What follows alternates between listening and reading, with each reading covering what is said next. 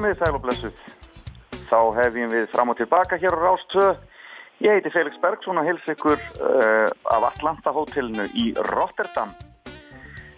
Og í dag er 15. mæ, vika í að stóra kvöldið í Eurovision farið fram. Og hér er ég með íslenska Eurovision hóknum að undirbúa um, framgöngu Dala og Gagnamagsins. Uh, og uh, það mun svolítið lita þennan þátt hjá okkur í dag, nema hvað. Það verður samkallaður Eurovision þáttur. Tæknimaður minn uh, á Íslandi, Markus Hjaldarsson og uh, hér í Rotterdam er það Gísli Berg og við ætlum að koma þessu til ykkar vonandi heil og höld með góði gæsti hjá mér í dag.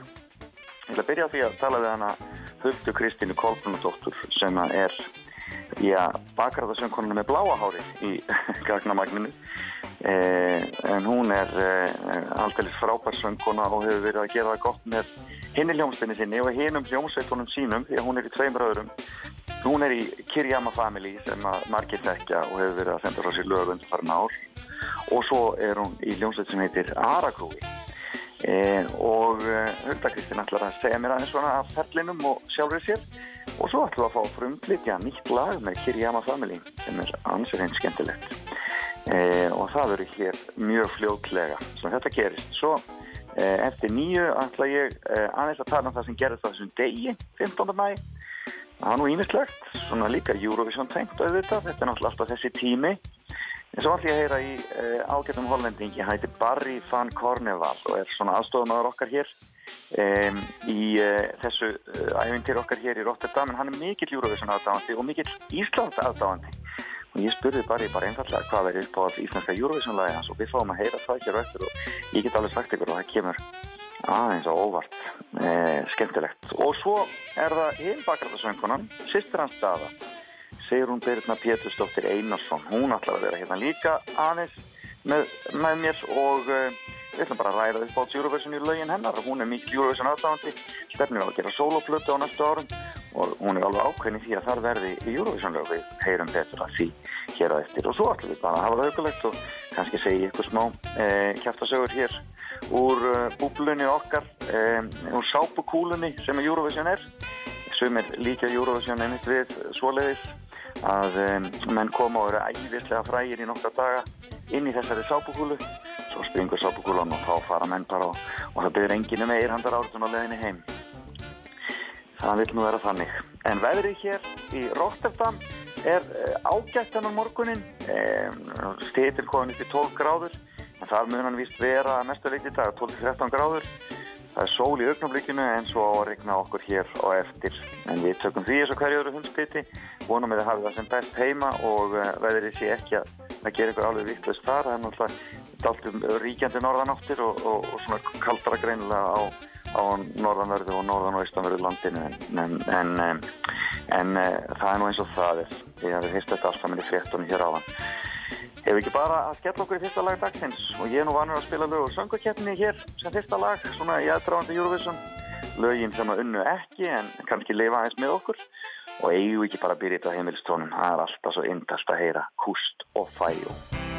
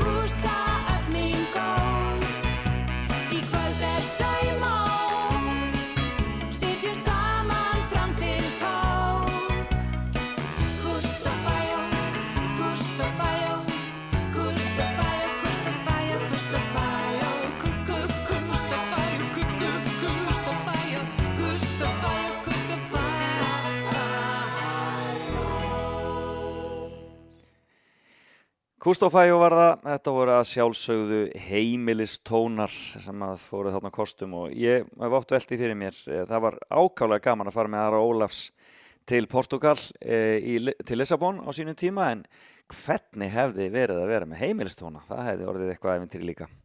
En kannski vil ég að bara koma aftur og taka þetta og þá hvet ég þjóðina til þess að senda heimilistóna í Eurovision, það er ekki spurning. Kustofæjó var það. Já, uh, hér er mikill Eurovision andi í Rotterdam. Borgin búin að eða miljörðum í að uh, halda þessa keppni og uh, stendur nú frammi fyrir því að geta ekki tekið á móti nema litlu brot af þeim gestum sem að annars hefðu komið en það er nú bara að staðan eins og þetta er þessa dagana. Ákaflega falli og aðteklisverð borg var sprengt í tætlur í stríðinu Rotterdam Eh, og hér til dæmis í miðborginna sem við erum eh, hef ég séð myndir af eh, eftir stríðið og þar stendur ráðhúsið eftir og svo þessi bygging sem við erum í sem er þetta hótel okkar NH Atlanta og heitir hótelið. Og, og það maður sér það að hér er, hér er svona skemmtilegur Art Nouveau stíl á ýmsu svona auðvitað búið að endurbyggja mikið en maður sér það svona ákveðnum stöðum bæði falleg ljós og falleg svona, svona falleg smáatriði í, í, arkitektúrnum sem er skemmtilegt. Eh, en eh, já eins og ég segi borgin þurft að, þurft að endurbyggja algjörlega þessa borg. Þetta er náttúrulega einn stærsta höfn ef ekki svo stærsta í Evrópu.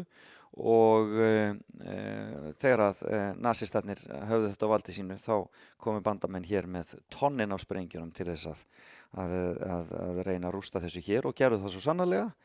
Uh, en borgin var endurbyggð og, og er fræg fyrir mjög magnaðan arkitektur á köplum fallega brýr hér yfir ána og höllin, Ahoy höllin er akkurat hinum einn við ána, hún er ekki hér í miðborginni heldur svona hinum einn við við ána hér. Og e, glæsilugu staður, tónleikastaður þar sem að Eurovision mun fara fram.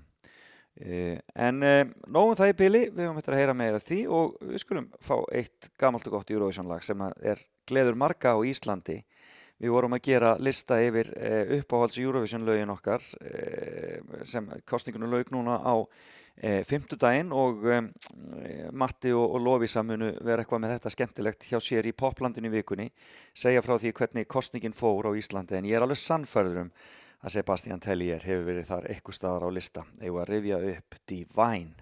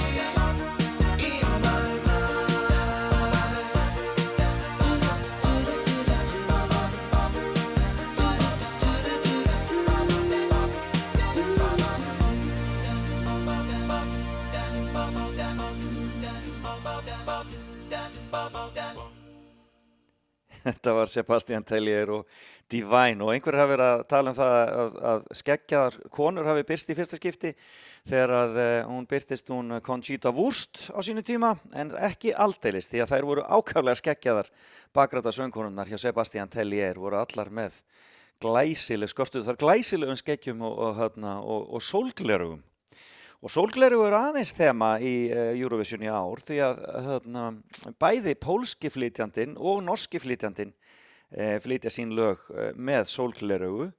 Pólski flytjandin er raunar hérna með okkur á hóteli og við höfum svolítið verið að gera grína því. Hann er duglar að vera með sólgleru en heldur en grímuna sína en það er kannski, það er annað mál. Við skulum láta það liggja á milli hluta. En það var að líða því að við heyrim einu huldu Kristínu Kolbrunadóttur henni frábæru söngkonu Gagnamaxins Kirjama Family og Aragrúa e, og e, við skulum byrja á því að heyra gamalt og gott lag með Kirjama Family Every Time You Go. Beint úr efstaleitinu í Reykjavík. Fram og tilbaka á Rástfö.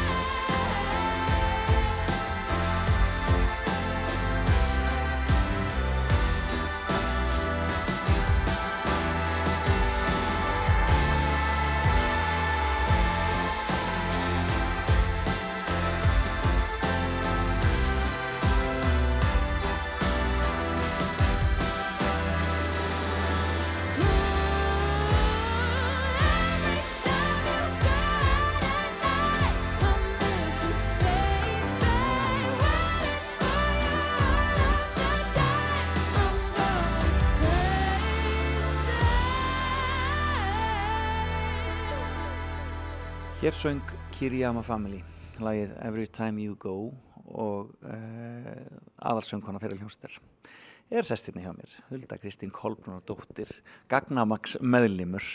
Um, hva, Kiriyama, hvernig verður það að dæma allt saman til? Uh, Kiriyama byrjaði sem bandaröð í kringum 2009-10 og þá gáði þeir út sína fyrstu plötu 2011-12 eða eitthvað. Mm -hmm. ég var rosalega mikill fan alveg bara mega fan hann að unglingur eitthvað og uh, uh, sem sagt það þeir mistu einn meðlum og ég kom í staðin fyrir hann. Og hvena, og hvena var það? Uh, það var, wow það er langt síðan. Heru, býtu, ég var 15-16 það var svona fyrir já, emitt svona 7 árum eitthvað þannig, 7-8 árum já Og þetta náttúrulega gerist allt bara á Selfoss eða ekki? Hannu, jú, þetta gerist allt á Selfoss, jú, já, Bassi sem sagt uh, heyrir í mér þegar hann er búin að, ef ég var að keppa með uh, hljómsendinu minni Aragrúa, hinn í hljómsendinu, uh, á musiktilunum og við vorum í þriðasæti og ég vann einhver söngvaraverlinu og svona og hérna, þá heyrði Bassi í mér eftir það og, vá, það er bara nýju ár síðan. Sjæsu, hérna, uh, já og hann heyrði mér eftir það og spurði hvort ég vildi vera með og ég bara hérna litla stelpann bara eitthvað, wow, stóra hljómsveitin vil hafa mig með og ég, ég kom á fyrsta aðenguna og þetta bara eiginlega small saman, þannig að, já. Ertu fætt og uppalinn hérna fyrir austan? Ég er í grunninn borgabann en já. ég flytti þegar ég var 5-6 ára til Stokksur. Já og bjóð þar í alveg góð 10-11 ár eitthvað þannig. Já. Og, og þannig kemur í rauninni þessi, þessi árnest tenging allsumul já, þannig kemur þessu árnest tenging og strákaninu líka aðan afsvæðinu alveg. Já. allir. Og er fjölskyldaðin að þá stokkseri? Uh, amma og langamma eru þannig en þá og frendi minn. En já. hérna mamma er nýflutt í bæin og gengur bara vel. Já, já frábært. En uh, hvernig var allast upp þarna á þessu svæði? Ég, mikil samskiptu millir allra þessara bæjarfélaga og svo leiðis? á millir er svona Já. smá, smá bæjaríur, bara svona og líka svona smá eitthvað við Salfós, en þú veist, þetta er bara, þú veist, þægilegu staður og svona, svolítið erfitt því að maður var svona aðeins öðruvísi aldrei en hinn í krakkanir, ég var ekkert vinsæl eða neitt þannig í skólanum, sko, og hérna já, var líka bara, hugsaði mjög mikið út í námið mitt og fór upp um bekk og eitthvað svona, já. já. En varstu þá komin að staði í músík bara frekar snemma? Þú talar um að þú hafi verið í öðru bandi sem tók þetta í músíktilunum? Uh, já, ég hérna, ég byrjaði að bara syngja og dansa á eitthvað sem krakki sko um, og byrjaði á piano þegar ég var, hvað, fimm ára eða eitthvað. Okay. Og vann eitthvað, hérna, vann þegar ég var sjöra þá tók ég hérna ég skil mála allan heiminn, elsku mamma á þjóðatíð og vann barnakefnina þar líka. Mjög, mjög fyndið að segja frá. En hérna jú, síðan byrjaði ég í uh, Aragrúa bara af réttum fermingu. Já. Já, og við erum bara búin að vera svona fram og tilbaka núna og erum líka að gefa út plötu með þeim. Okay. Já, þannig að ná að gera. Þannig að það band er sem sagt til ennþá Já, það er til enn þá. Við erum svona búin að vera að taka alls konar stefnubreitingar og ég held að við séum á svolítið góðum stað núna bara. Hvernig músík er Arakrúðu að gera? það er nefnilega, þetta er svolítið svart og hvitt sko. Ég er með hérna 80's popið í Kirjama og síðan er ég með svona indie þungarokkið einhvern veginn, já, hínum einn. Þannig að þetta er alveg svart og hvitt. En skemmtilegt, frábært. En semur þú sjálf? Ég sem líka eitthvað sjálf já. og ekki mikið sem ég hef gefið út Uh, uh, já, eiginlega ekki neitt sem ég hef gefið út sjálf en vonandi, ég er búin að setja mig markmið á þess ári, þá var ég búin með plötu aðeins en ég verð 25 það er markmið ársins. Og, En þú semur semst ekki fyrir hljómsveitina þeinar? Jú, ég sem mest uh, söng bara eða kemur einhverja litlar píanolínur í Kirjama til dæmis, en þú veist bara mest að skera söng og sjá um það, texta og annað. Já, Já Frábært. E, og þið Kirjama, þið eru náttúrulega bara alltaf á fullu, þetta er náttúrulega hérna, hana, band sem kemur með, með efni mjög reglulega og nú er nýtt lag að koma frá okkur. Nún er nýtt lag og bráðum síðan plata á þessu ári vonandi fyrir öss okay. og já, bara mikið vídeo sem er að koma líka okay. með læginu og uh, já. Og vinnið þetta þá í stúdíónu hjá Bassa fyrir austan eða hvað? Já, við vinnum þetta í stúdíónu hjá Bassa fyrir austan, já. hjá Bassa Lappa. Það er uh, mjög næs aðstæða, alveg rosalega. Segðu mér aðeins frá þessu lagi, hvað, hvað, hvað, hvað heitir þá um hvað, af því að við erum bara að fara, þetta er bara frumflutningur hér í þessum þætti? Uh, lagi sem sagt heitir Pleasant Ship og textin svona eiginlega fjallar um þegar maður hefur svona, þegar maður er ekki til í að fara á djammið en vini manns er að draga mann út og maður er svona, æ, allt í lægi og þú veist, maður byrja að vera bara, gæt, nei, hvað er bara, nei, ég nennis ekki krakkar uh, og síðan er maður svona, já, ok, þetta er samt alveg gaman og síðan verður þetta bara gæt skemmtilegt kvöld og þú bara nýtið þín gæt mikið. Já. Ég held að kannast allir við þetta. Við skulum heyra Kirjama og Pleasant Chip.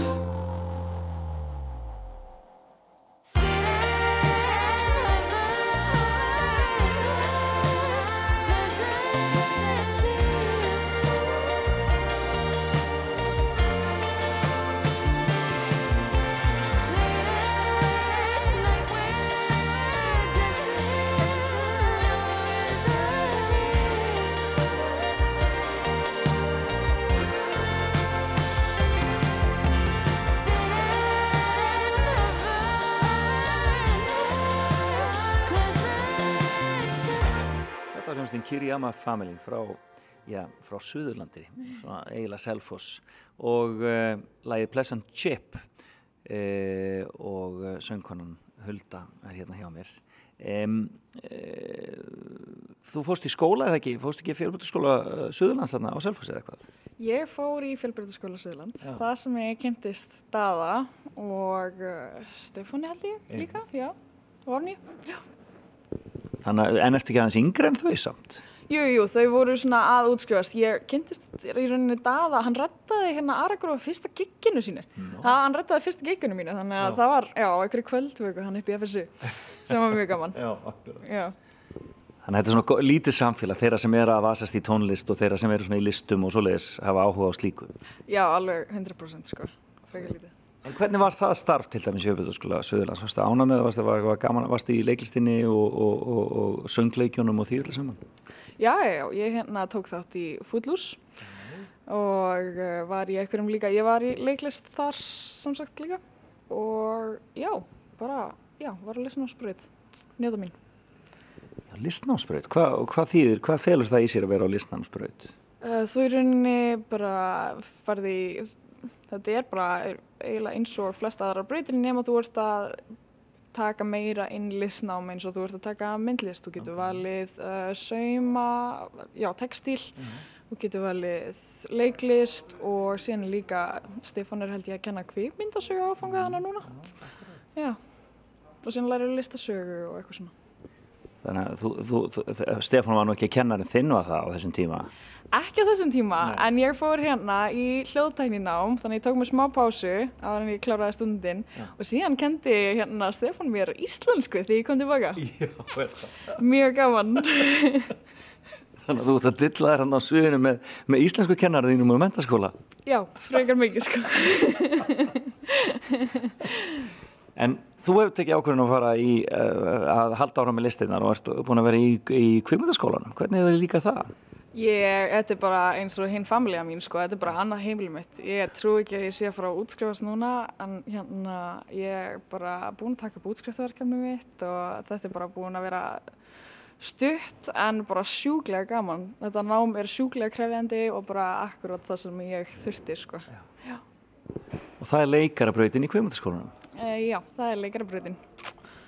Og hvað hafið þið gert? Hafið þið gert stuttmyndir eða lengri myndir? Hvað, hvað hafið þið verið að gera þessi ár sem þið hafið verið þarna? Já, það er nefnilega rosalega mikið af uh, verkefnum sem við gerum. Við gerum sem sagt, uh, á fyrstu önn þá gerum við mínútumynd og svo gerum við loka, loka annar mynd þar sem við erum sett svona í hóp og, og látið hérna að síðan á hann að vera alveg silent myndin þannig að það er alveg svona krefandi verkefni. Síðan komum við með kynningamyndinir okkar og ég tók svolítið erfitt málefni þannig að mér fannst svolítið erfitt að vinna það eftir á en hún kom alveg rosalega vel út og uh, svo uh, eru bara þú veist aðri krakkar að fá mann í verkefni til sín og síðan býr maður til sjóríl á leikarabrautinni fyrir sjálfan sig til þess að geta auðvitað sér betur mm -hmm. og síðan er náttúrulega útskriftamyndin sem á að vera svona 15 til 20 mínútur okay. Hvað, hvað er við að viðfangsefnin tókstu fyrir í, í kynningamyndinni? Um, ég tók bara uh, sögu um stelpu sem að uh, átti að sjá að hann væri ólétt og það er bara, þetta er svo erfitt moment trú ég að í rauninni þú veist, vita ekkert hvað maður á að gera og bara, þú veist, allt í hennu bara eitthvað hak þú veist, ég hef búin að vera að taka mína pillur og allt þetta skilur en samt getur þetta gæst og þá, þetta er svona um turnast svolítið, já. Bara, hún er bara á Baðarbyggiskólinu að tala við vinkonu sína bara að fríka út já, það er erriðt að vera okkur Já, akkurat, aðtilsvært En hvað verður loka, en hvað er lokamyndinum? Hvernig er lokamyndin? Lokamyndin, það er þetta er samband. Uh, þetta er fólk sem hefur áður verið í sambandi en uh, ég ákvaða að leika mig svolítið með það og því að ég er svona líka svolítið mikið fyrir tæknina og svona. Uh -huh þannig að uh, ég er með tvo mótleikara sem einn sama karakter. Okay. og þau eru raunni, já þau eru sami karakter en hérna þau skiptast svona á milli í sinnum og svona. Og þetta er semst samband sem að hætti saman og síðan þetta er þegar þau byrja aftur saman.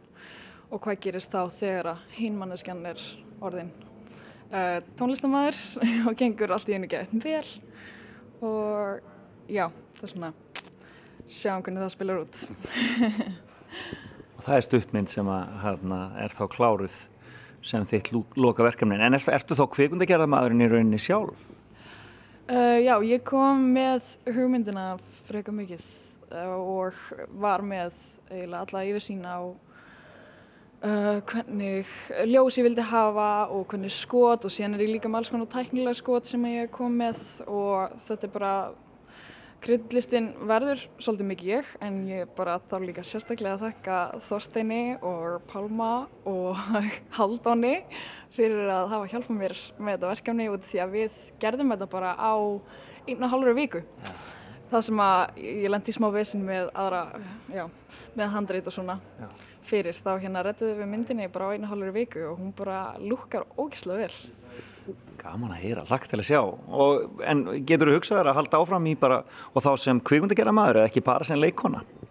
Já, alveg 100% sko, mér finnst það ógeðslega gaman bara að vera einhvern veginn í öllu sem að kemur kvíkundabransunum og bara þess að bara vera á setti og fylgjast með eða hjálpa til, það er bara það er bara svo gaman að vera á setti. Það er bara svo góður mórall og indislegt, ég er bara að elska það. Og ertu með hugmyndir sem þið langar til þess að koma í framkvæmd á næstu árum? Ég er alltaf með hugmyndir sko, ég hérna var að skrifa fyrir handréttsáfangum minn, var ég að skrifa handrétt um ömmu mína og langumu. Þær eru sjúklega finnir karakterar og hafa gengið í gegnum margt, þannig að þetta væri svona gaman drama. Það er, já, það eru mjög gott efni í ykkur að sjóastækti sko. Og mynda sjálfsögðu gerast á stokkseri? Uh, já, já, akkurat. en nú ert orðin þekkt, þekkt sem, sem söngkonan með bláa hárið í gagnamagninu. Hvernig, hvernig í hvernig í óskopunum gerist þetta allt saman? Herru, hérna ég var eitthvað bara í hérna að klára hljóðnami mitt og eitthvað svona, nei býtu það var 2017, nei já ég var bara, satt heima hjá mér og uh, síðan fæ ég alltaf inn í skilabór frá dað að ég var bara eitthvað býtu hvað hva hann senda mig skilabór eitthvað, herru Vil, viltu vera með í hérna, hérna svona Eurovision söngkemnis aðtriði og ég bara, ha, uh, já, já, ég til í það og síðan fórum við, var hann bara, já, herðu, ég bara að taka upp hérna bakrættir í næstu viku og eitthvað svona. Og ég bara, já, ok, geggjað, cool, cool, cool, cool, cool, alveg, ég var líka svona fan af honum þegar hann var í retrobot og svona, þannig ég var bara eitthvað, ú, ok, geggjað. Og síðan var ég með því að eventýri árið 2017 og síðan hittist það aftur 2018 og þetta er bara, þetta er bara búið að vera mjög gott svona rollercoaster ride bara, já, þetta er bara búið að vera sjúklega gaman ég bara get ekki ímynda mér að ekki vera partur af þessum hóp sko. Og þú þekkti Dada Árníu og Stefán þá áður en þetta byrjaði alls saman? Já, ég svona þekkti til þeirra já. meira um, já, ég, ég er rosalega feimin manneskja þannig að þetta var, já það að hoppa inn í einhverja grúpi var svona já ok, ok, ekki fá kvíða þetta verður alltaf lægi, en þú veist síðan bara þau eru svo slík og eindislega, þetta er bara búið að vera geggjað Getur hugsað að vinna meira með daða bara, jafnvel þið tvö eitthvað svona í fram, framhaldinu? Já, alveg 100% ef hann er til þá er ég 100% til í að vinna með daða. Mm. alveg, bara hann er geggjað tónlistamæður Já. En það ert þú líka. Og við skulum enda þetta bara á einu gömlu góðu með gangagaminu þannig að við skulum fara bara aftur í hérna 2017 og heyra hvað með það, það vekur alltaf góða minningar. Hulda Kristín, frábært að rappa við, kæra þakki fyrir spjallið. Takk sem við leiðis Það er skrítið að segja því ég var að sjá þig í fyrsta sinn. En samt einhver veginn veit ég þetta eru örlögin Ef þú heilsar mér Ég bara starri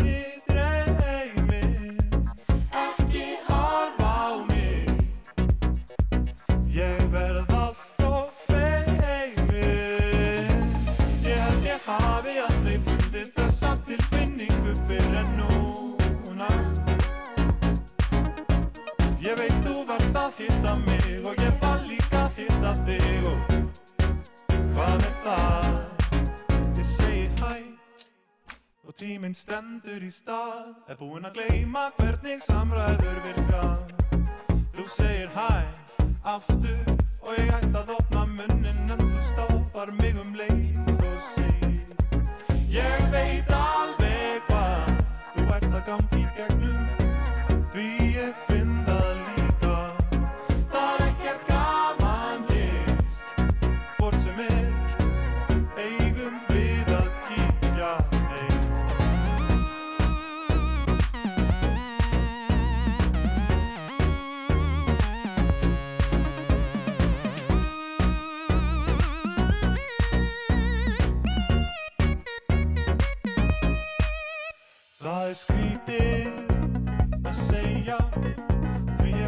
að sjá þig í fyrsta sinn.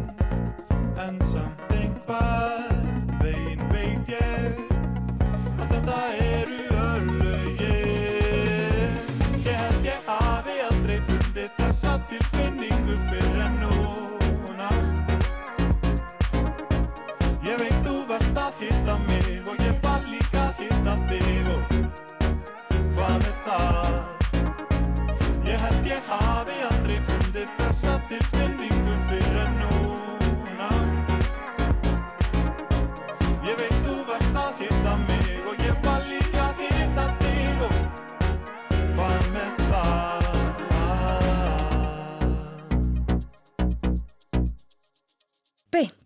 efstaleitinu í Reykjavík. Fram og tilbaka á Rástfö. Já, kannski ekki alveg beint úr efstaleitinu en beint frá Rotterdam. Það erum við hér í fram og tilbaka. Hins vegar er Markus Hjaltarsson tæknimaður í efstaleitinu og Gísli Berg hérna mér til hals og tröst hér e, á hótelun okkar í Rotterdam. Og það var galdelis gaman að rappa við hana Huldu Kristínu Kolbrunadóttur hér í setustofinu okkar á hótelinu uh, og uh, mikið rosalega þetta flott þetta nýja uh, Kiriyama Family lag Pleasant Ship. Þetta á nú eftir að heyrast mikið. Og ekki var það síður að heyra aftur hvað með það gamla góða uh, daða og gagnamangslægi frá 2017 En eh, við ætlum að halda fram að spila svolítið af Eurovision lögum og Eurovision í ár er undir og hér er lagið sem er efst í veðbankunum í augnablikinu. Écoutez-moi, moi la chanteuse à demi. Parlez de moi, à vos amours, à vos amis. Parlez-leur de cette fille aux yeux noirs et de son rêve fou. Moi, ce que je veux, c'est écrire des histoires qui arrivent jusqu'à vous. C'est tout. Voilà, voilà, voilà, voilà qui je suis. Me voilà, même si, mise à nu, j'ai peur. Oui, me voilà dans le bruit et dans le silence. Regardez-moi, ou du moins ce qu'il en reste. Regardez-moi, avant que je me déteste. Quoi vous dire que les lèvres d'une autre ne vous diront pas? C'est peu de choses, mais moi, tout ce que j'ai, je le dépose là. Voilà.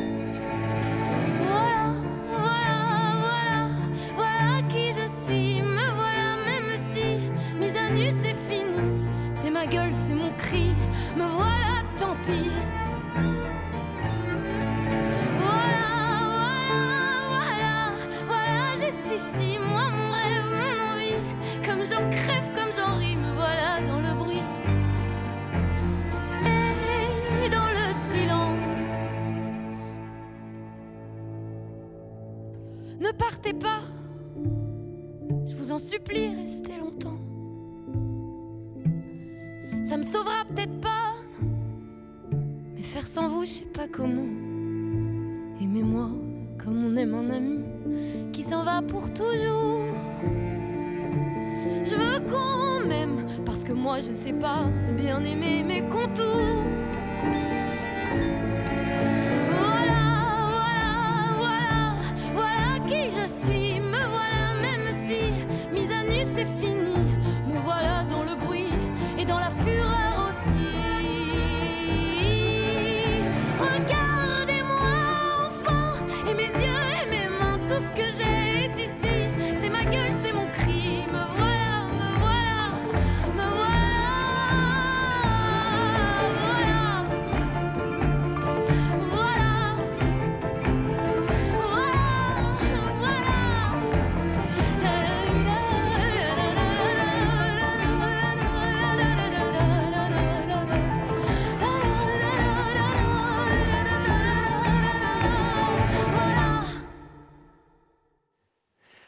Barbara Pravi var það og lag sem heitir Voila. Og e, það er e, áhugavert að sjá hvernig hlutinni gerast í Eurovision því að stundum er það þannig að e, að e, það er eitthvað í eirónu sem verður að tröfla mjög mikið en það er stundum, það er stundum þannig að, að, að lög eru ofarlega á listum veðmálafyrirtækja en svo allt í einu á æfingu þá bara breytist allt og það er nákvæmlega sem gerðist þegar að Barbara Pravi stegi á sviði fyrsta sinn með þetta lag í höllinni í, e, í Rotterdam að þá skyndilega e, bara raukun á toppin fór upp einhver 10% bara í veðböngunum eins og ekkert væri. Og e, það var magnað að vera í höllinni og sjá, þetta er svona þessi augnablík sem að þegar allir sjá eitthvað í fyrsta sinn og menn gerir sig grein fyrir að þarna er komin alvöru um, um, fulltrúi og alvöru möguleiki á sigurvegara. En margir að jafna þessu lægi við uh, áhrifin af því, þegar Salvador Sobral steg á svið fyrir Portugal á sínum tíma með sitt sönglag en um, þetta, er, um, þetta er, já, þetta er búið að alveg magnað að fylgjast með þessu og alveg mögulegu sigurveri en svo er aðrir mögulegi sigurveri sem skutust upp í annarsætið og það er mjög stutt á milli e, Fraklands og Ítælju á þessum e, fræga veðmála lista. Þau íttu e, möldu niður í þrýðasætið, það er líka annað frábært lag sem við heyrum kannski hér aðeins og eftir, en heyrum ítalska lagi, þetta eru óþægtar ormatin í Måneskin, e, svona glamrockarar með lag sem heitir City e Buoni og þau eru svo töff að þau eru bara, já, þau eru too cool for school eins og maður myndi segja og ekkert sérstaklega góður í íslensku.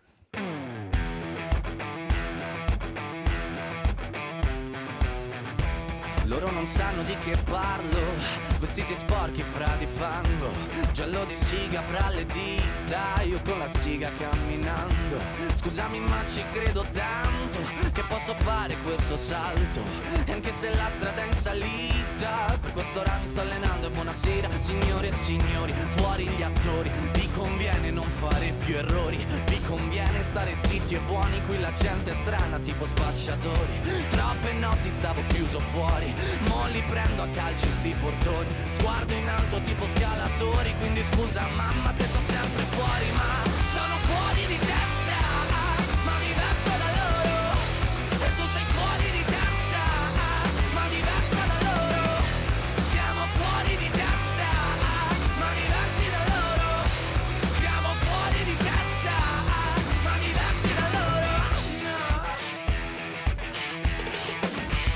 Io. Ho scritto pagine e pagine, ho visto sale e poi lacrime. Questi uomini in macchine, non scalare le rapide. Scritto sopra una lapide, in casa mia non c'è Dio Ma se trovi il senso del tempo risalirai dal tuo oblio. E non c'è vento che fermi la naturale potenza. Dal punto giusto di vista del vento senti l'ebbrezza. Con la lincera alla schiena ricercherò quell'altezza. Se vuoi fermarmi di testa, prova a tagliarmi la testa perché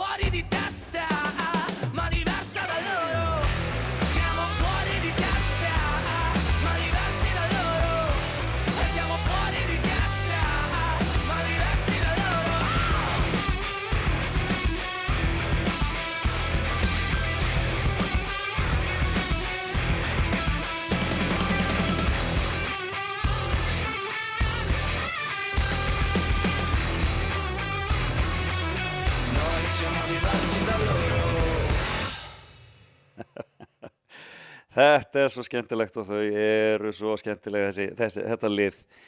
En uh, bassalekarinn sem er hljómsveit er uh, hálf dönsk og uh, það kemur nafnið Måneskin, stórkostlegt að vera með.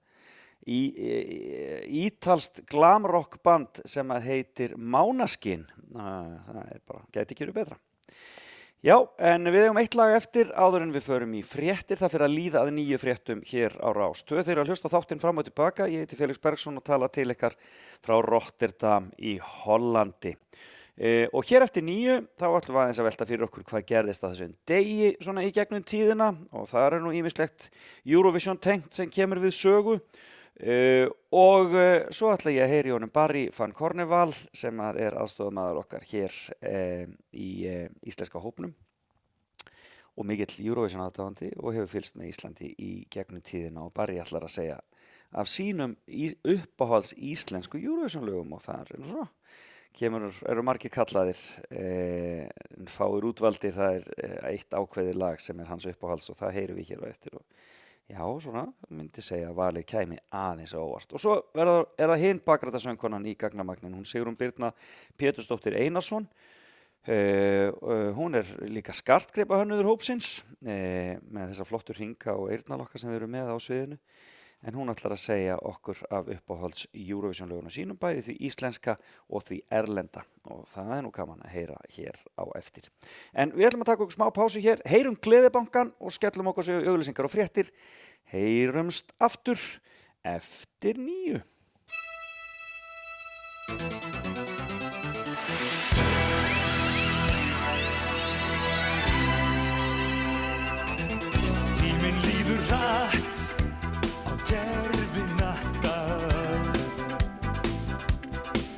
Sér hver dag, hraðar sér hver kvöld. Ertu stundum hugsandi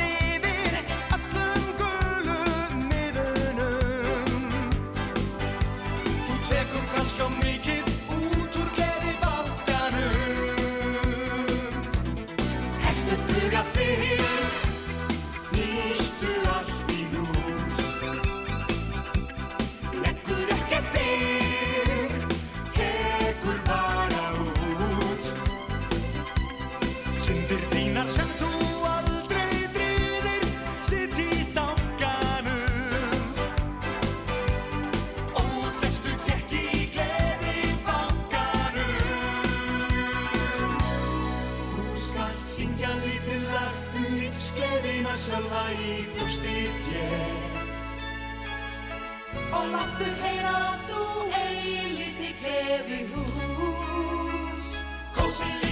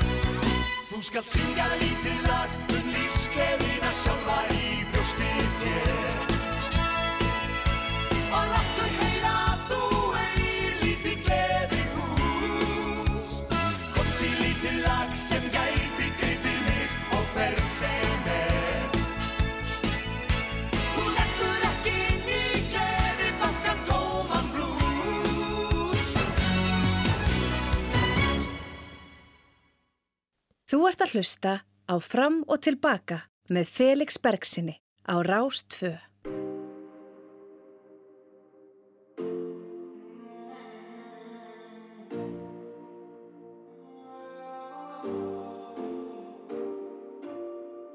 Var alltaf lengi að leita þér. Var ekki lengi að leika mér Það virkar ekki að segja mér neitt Það virkar alltaf ekki veið Og ég flýðu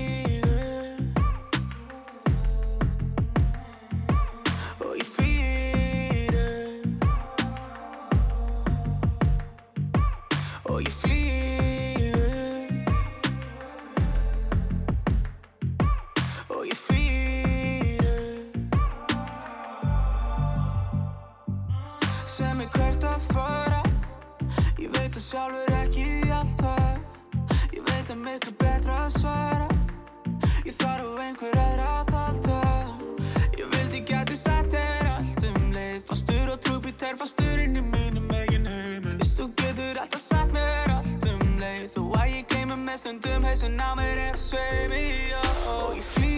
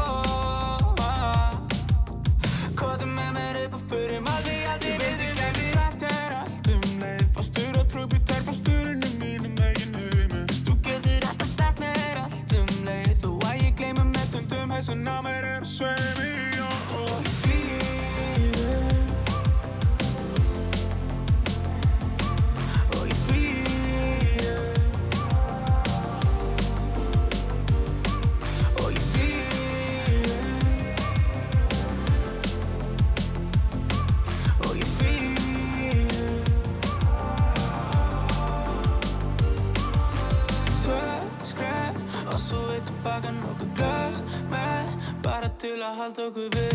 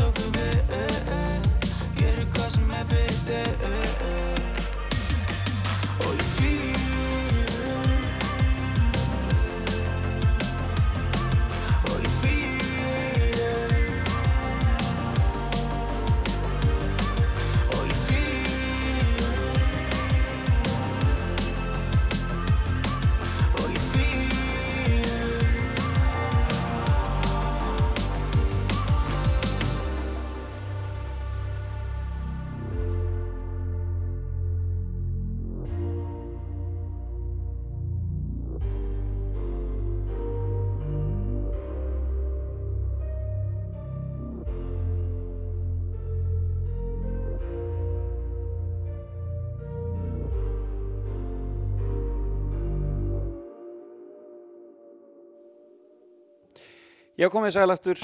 Þá höldum við áfram hér í fram og tilbaka á Rás 2 og ég heiti Felix Bergsson og það var hann Aron Kahn sem hófið þetta hjá okkur hér á tíunda tímanum með nýja lagið sitt og uh, við sáum hann einmitt flytja þetta í loka þættinu hjá Gíslamartinni e, e, fyrir rúmri viku síðan.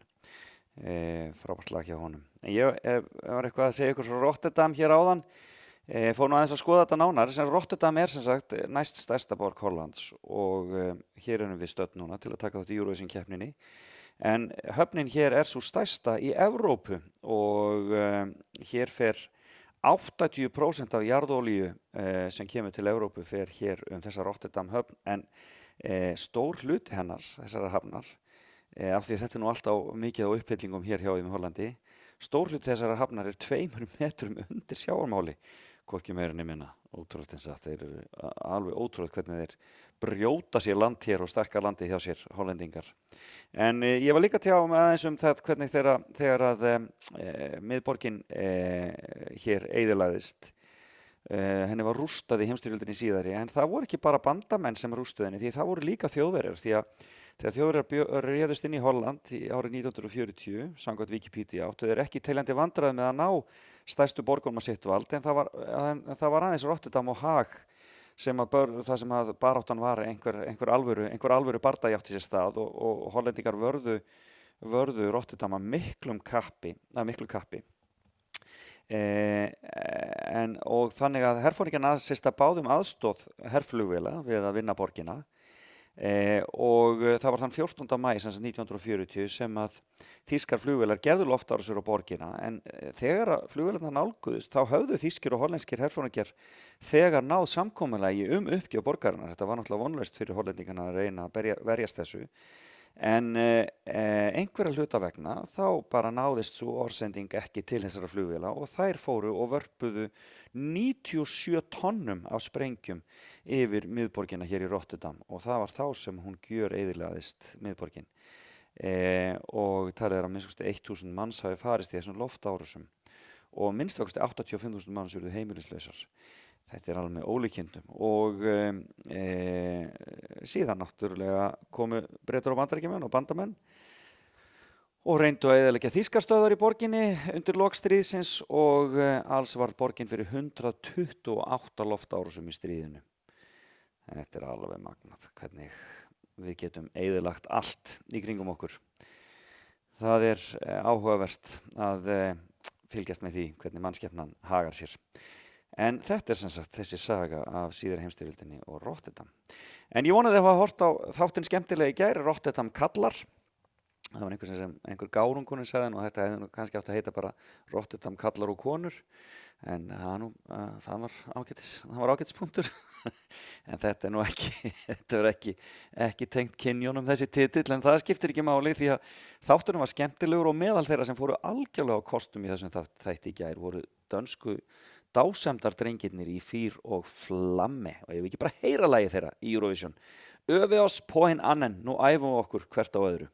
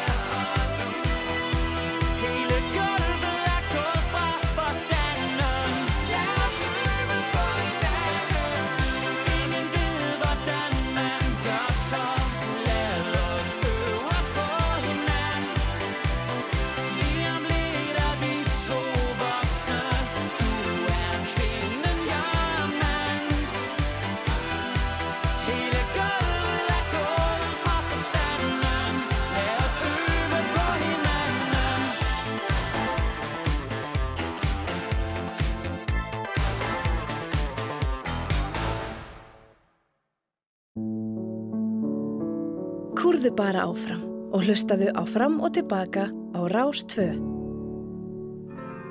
Stranded at the drive-in, branded a fool.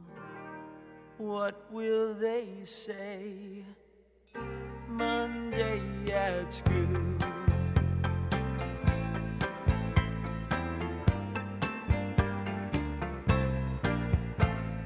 Sandy,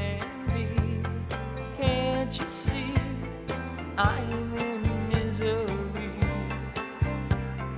Made a start, now we're apart. There's nothing left for me. Love has flown all alone. I sit and wonder why, why you left me. Oh, Sandy.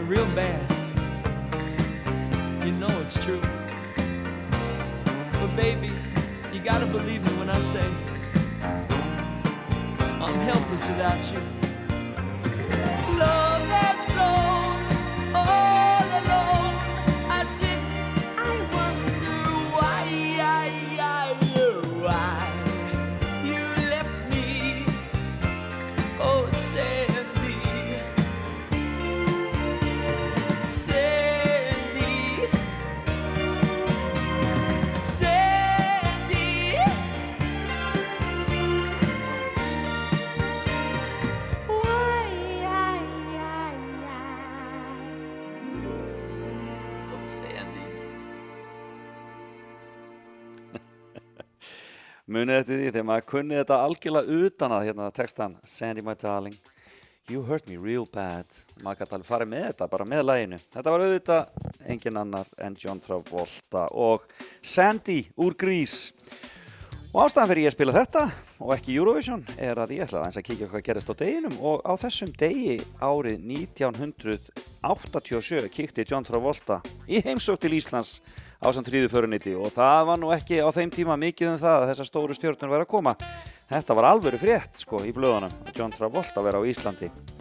Stór skemmtilegt. Já það var margt gerst á þessum degi og ég meina ég var að tala hér um Uh, stríðið síðar í heimstyrjöldina og það var á þessum degi akkurat fyrir uh, já, árið uh, 1940 fyrir um, 81 ári sem að hollendingar gáðust upp fyrir þjóðverjum í ljósi þess sem við vorum að ræða hér áðan um, um, um sprengjuregna á Rotterdam og það allt saman.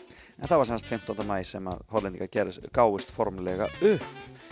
En árið 1770 á þessum degi var Íslandi skipti í ömt. Annars vegar suður og vesturamt og hins vegar norður og austuramt og síðar voru suðuramt og vesturamt aðskilin. Og ég ger ráð fyrir að það hafa flestir búið í vesturamti.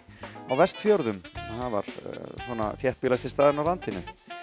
E, og uh, einhverjum 26 árin síðar þá, árið 1796 þá uh, tók herr Napoleons Bonaparte Milano já, Napoleon magnaður karakter og menn hafa eitthvað verið að ræða hann upp á síðkastið. Sigfús Eymundsson flutti árið 1897, við erum komin hérna 100 ár fram í tíman, rétt undir aldamótin 1900, en þá flutti Sigfús Eymundsson til landsins talvél eða grafofón og var sagt frá því auglýsingatækið talaði og syngi ímis lög. Já, ímislegt gert á þessum 120, rúmi 120 árum síðan. E, já, eiginlega bara ótrúlega mikið.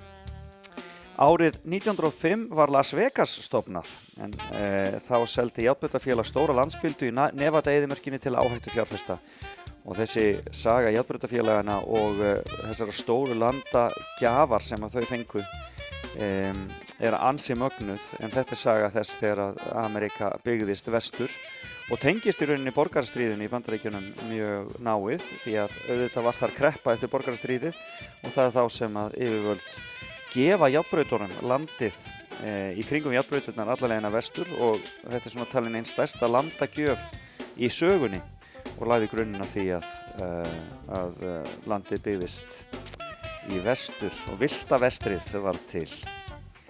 Fyrsta teiknumyndin var frunstur þessum degi með Mikka Mús og Mínu Mús, Plain Crazy hétt hún.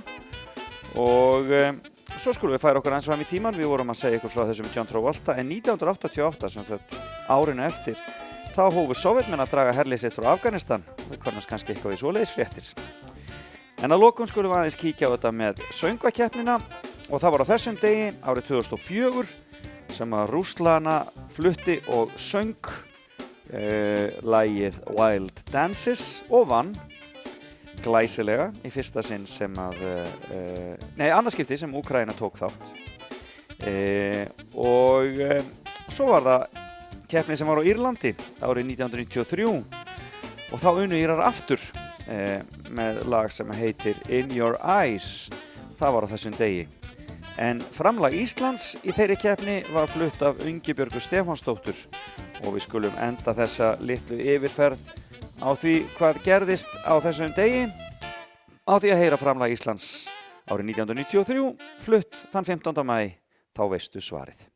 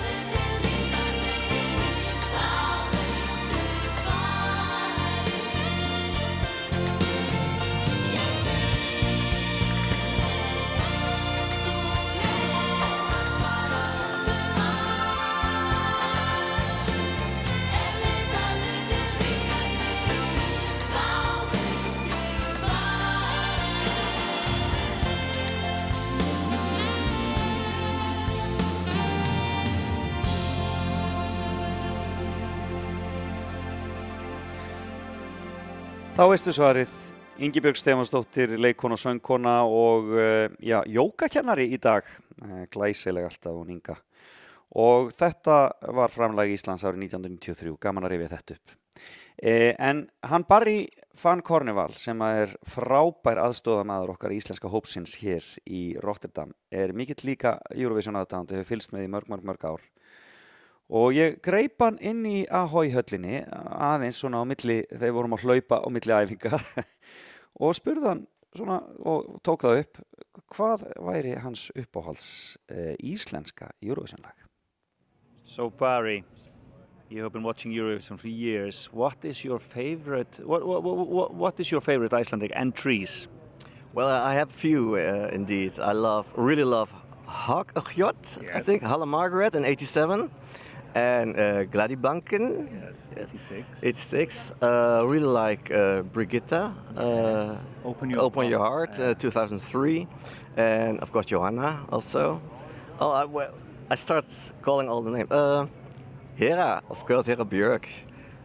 But uh, yes, that's, I think that's. Uh, yeah. But hljótt is really a, a, an unusual choice. It's not something that you hear a lot, but uh, you liked it. Yes, I, I really loved it. I loved her voice. I loved her performance. It was so so beautiful, and it really fits uh, on the screen and the uh, stage in uh, uh, Brussels. And uh, it's one of my my favorites, really. Yeah. Did you watch it in the hall or did you watch it just on TV at that time?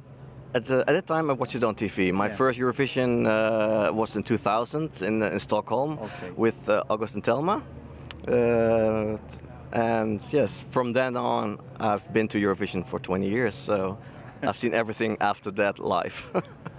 We're gonna play hægt og hljótt for you, Barry. Thank you so much. Thank you very much. Já, þetta var Barry van Corneval og hann sagði þarna frá því að uppáhalslaugin hans íslensku væri, hann nefndi fyrst hægt og hljótt með Höllu Margréti sem var mjög skemmtilegt, hann nefndi Gleðibankan, hann nefndi Birgittu og Open Your Heart frá 2003 auðvitað Jóhannu Guðrúnu, allir Eurovision aðdáðandur elska hana og Heru Björk. Eh, ég spurði þá hvaða væri við hægt og hljótt sem hann hefði eh, fílað svona vel? Og hann sagði að það væri rödd, hann hefði bara fundist þetta frábært og fallegt frá upphafi röddinn og framkoman hjá Höllumargréti eh, og, og hvað hann hefði staðið sér vel hérna á sviðinu í Brussel á sínum tíma. Hann horfði á þetta í sjónvarpinu, hann var ekki í salnum. Fyrsta keppnin sem hann sá var í Stokkólmi árið 2000 þegar Einar Ágúst og Telma keftu með Tell Me og síðan eftir það hefur hann mætt á hverju ári og er hér með okkur Íslendingunum í Rotterdam þetta árið. En ég lofa honum að við skildum hlusta á hægt og hljótt og hér kemur það.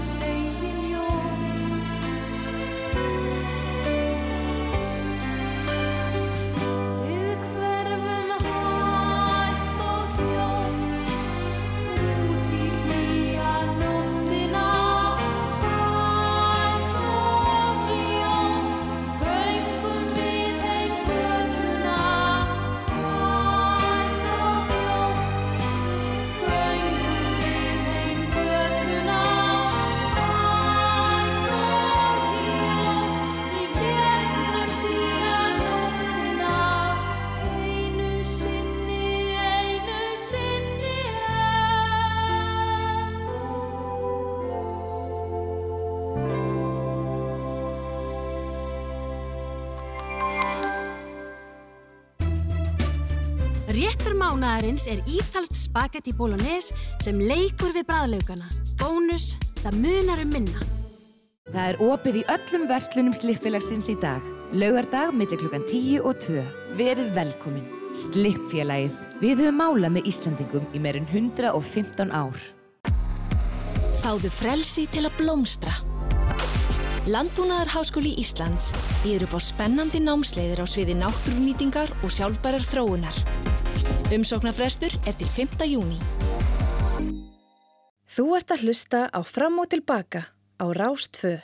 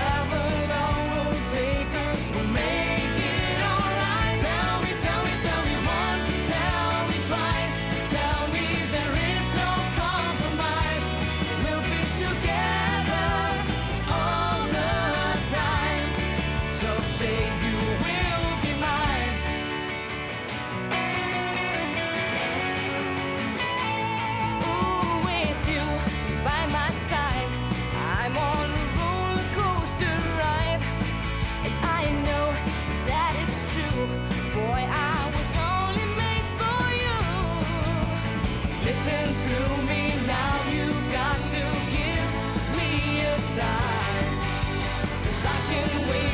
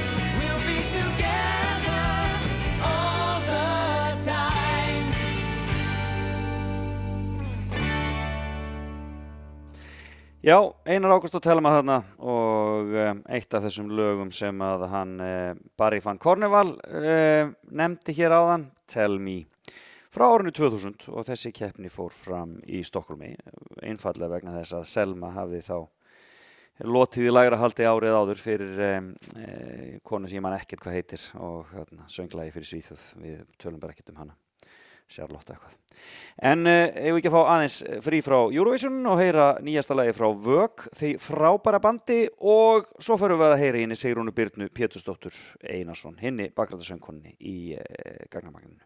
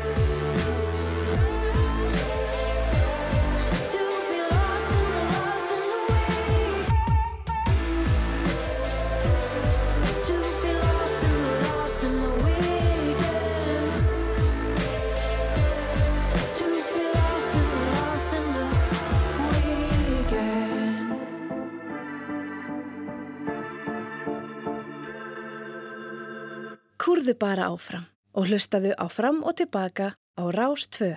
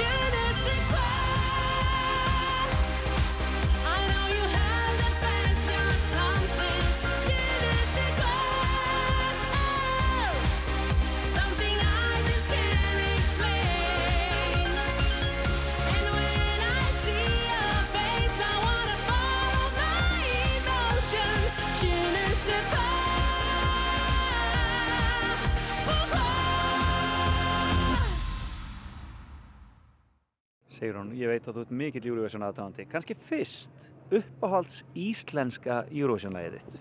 Það er klárlega Herabjörg og Júni sé hva Mannstuð þegar þú sást hana í Rauðakjólun Já, hún var glæsileg. Þetta hefði verið mitt partilag síðan þá. Syngur hástöfum með. Það sjálfsögðu. Kann allan textan Kannski efni þá eina soloplötuna sem það ætlar að gera? Að syngja Heru? Já. Það sjálfsögðu. Nei, það kemur ljós. En ég veit að það er eitthvað annað Eurovision-lag sem þú ert að hugsa um að hafa einn á þeirri plötu sem þú ætlar að, að segja sé svona jafnvel hitt uppáhalds. Já, við ætlum að taka upp svona Eurovision cover meðan við erum hérna úti Já. og mitt verður La La Love frá Kýpur. Hvað ár er það, manstu það? Ég held að það sé 2015, 13 eða 15. Það var svona mitt moment þar sem ég áttaði mig á því hvað Eurovision var í geggjað. La La Love er það. Kæra þakki Sigrun. Takk sem leis.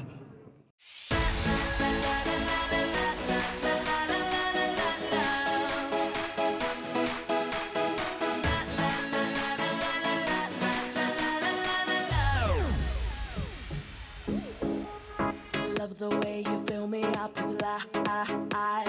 Baby, we can break the speed of light.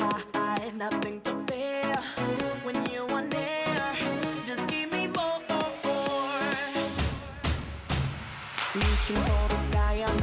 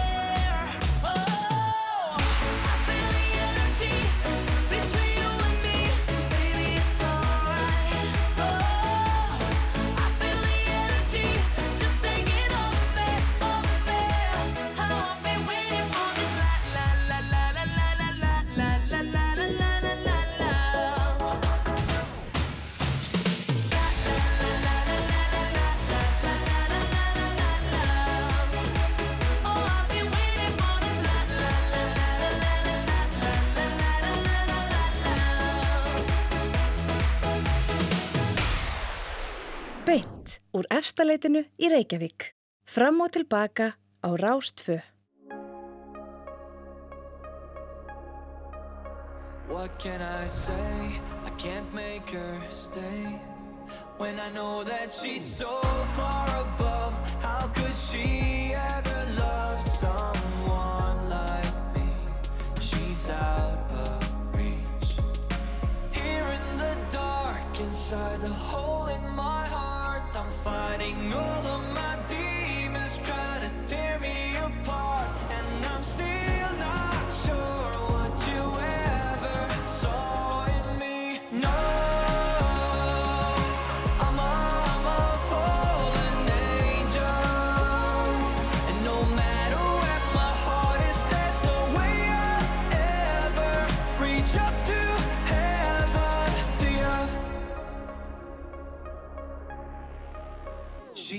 far out of this world.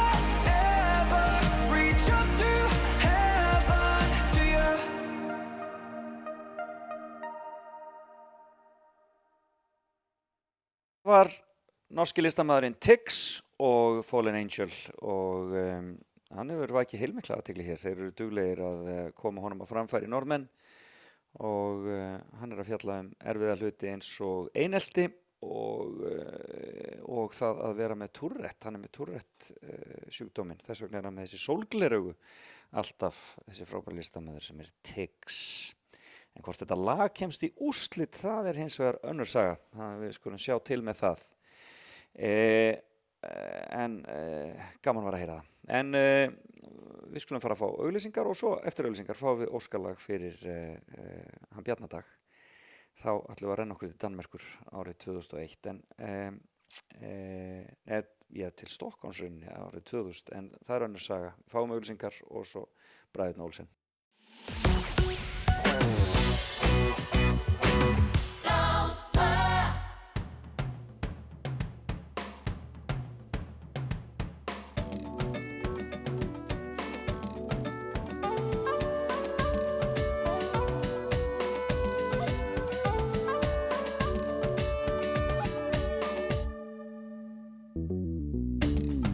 Summer nights, when the moon shines bright, feeling love forever. And the heat is on, when the daylight's gone, still happy together. There's just one more thing I'd like to add.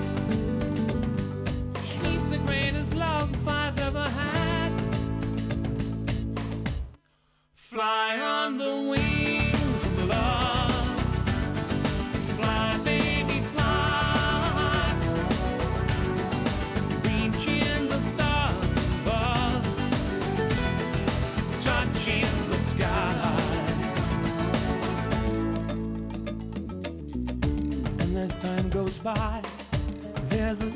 try.